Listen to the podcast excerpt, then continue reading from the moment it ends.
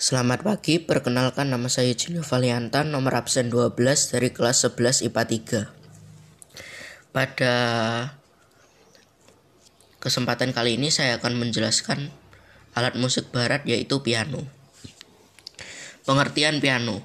Jumlah tuts pada piano adalah 88 buah dengan rincian 36 tuts hitam dan 52 tuts putih. Ketika touch piano ditekan, tuas akan mendorong palu kayu yang terdapat di dalam piano untuk memukul senar dari bawah. Getaran senar kemudian diteruskan ke papan suara dan membuat papan suara bergema ke seluruh bagian dalam piano hingga menghasilkan bunyi. Lembut, kasar, rendah, atau tingginya nada diatur dengan pedal yang terdapat di bawah piano. Sejarah piano Cikal bakal piano sudah ada sejak abad ke-11.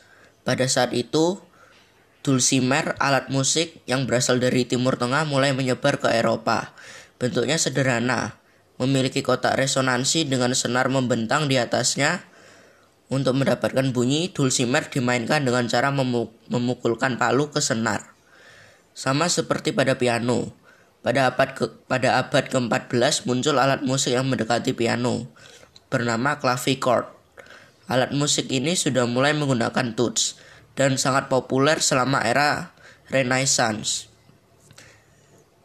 Macam-macam piano. Piano terdiri dari grand piano yang terdiri dari concert grand, parlor grand, dan baby grand. Upright piano bentuknya lebih kecil dari grand piano. Yang ketiga digital piano adalah piano yang diberi sentuhan teknologi modern. Ada dua jenis digital piano yaitu digital tetap dan digital portable. Yang keempat ada keyboard dan yang kelima ada organ. Selanjutnya adalah pianis handal dari Indonesia dari berbagai genre musik.